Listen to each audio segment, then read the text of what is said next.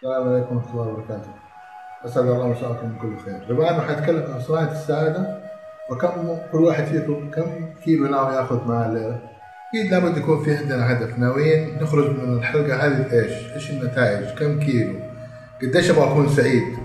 قبل أن نتكلم مين يصنع السعادة أنا ولا أنت ولا نحن ولا الآخرين اللي يصنعوها لنا حنسأل سؤال إيش هي أفضل الطرق؟ وهل فعلا في أفضل طرق؟ أفضل أساليب؟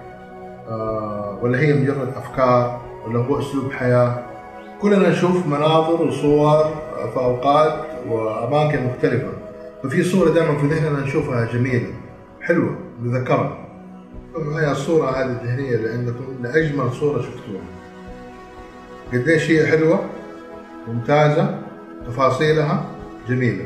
ما حتكلم معاكم قديش الرسام تعب أو المصور أخذ وقت عشان تطلع الصورة هذه حلوة. وتفضل في ذاكرتنا وما ننساها. لكن الشيء الأكيد اللي أبغى أتكلم عنه إنه المصور أو الرسام فكروا في الطرف الآخر كيف حيكون سعيد مبسوط وما ينسى اللوحة. بعض الأفكار آه 15 فكرة تقريبا كان ممكن هي في ذهن المصور زي اللي بيصورنا الآن أو الرسام أبغاكم ترجعوا تتذكروا مرة, مرة ثانية معايا أفضل صورة أنتم شفتوها ولساعة في ذاكرتكم. واحدة من الأفكار إنه الرسام أو المصور وهو بيشتغل كان يفكر في الطرف الآخر فبيعطيهم هدية ما ينسوها. الفكرة الثانية إنه الإنسان دائما يتأمل. هذا غذاء الروح. يفكر في الأشياء اللي تعطيه إلهام. تلاحظوا معايا المصور أو الرسام دائما شنطة العدة حقته معاه. فين ما يروح. بحر حديقة مطعم.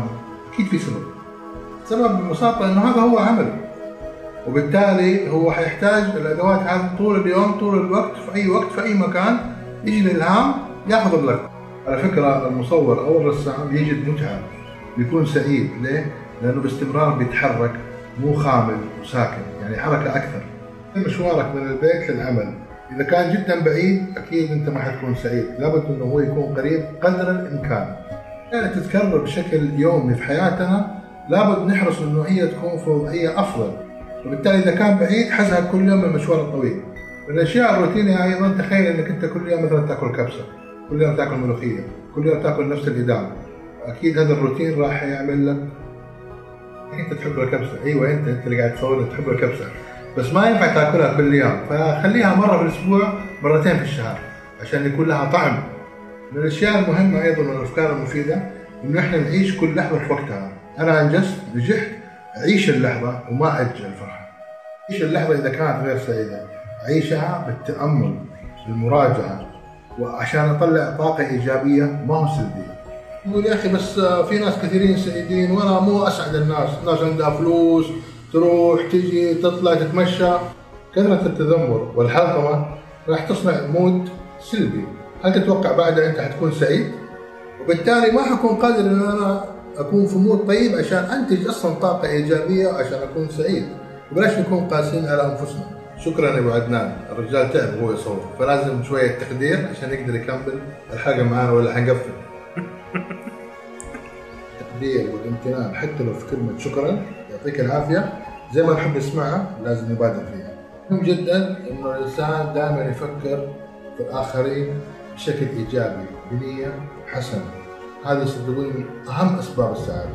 واذا الأفكار اللي أنا قلتها سابقا ما جابت نتيجة أبسط حاجة إنك تروح أقرب محل وتشتري لك 10 كيلو سعادة. والله يا جماعة الخير الموضوع يضحك بس حتى أبو عدنان قاعد يفكر إيش يشتري؟ يعني إيش حيشتري بالضبط؟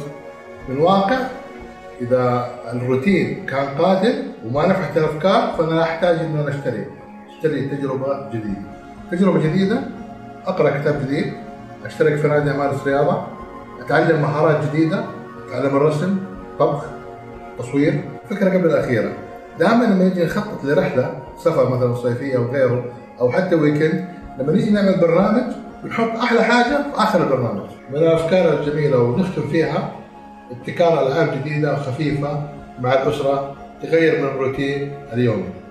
إن شاء الله بالسنابات الخفيفة هذه آه، نستفيد بإذن الله تعالى. ونصنع أفكار أخرى لأنه إحنا فعلا اللي بنصنع السعادة. فما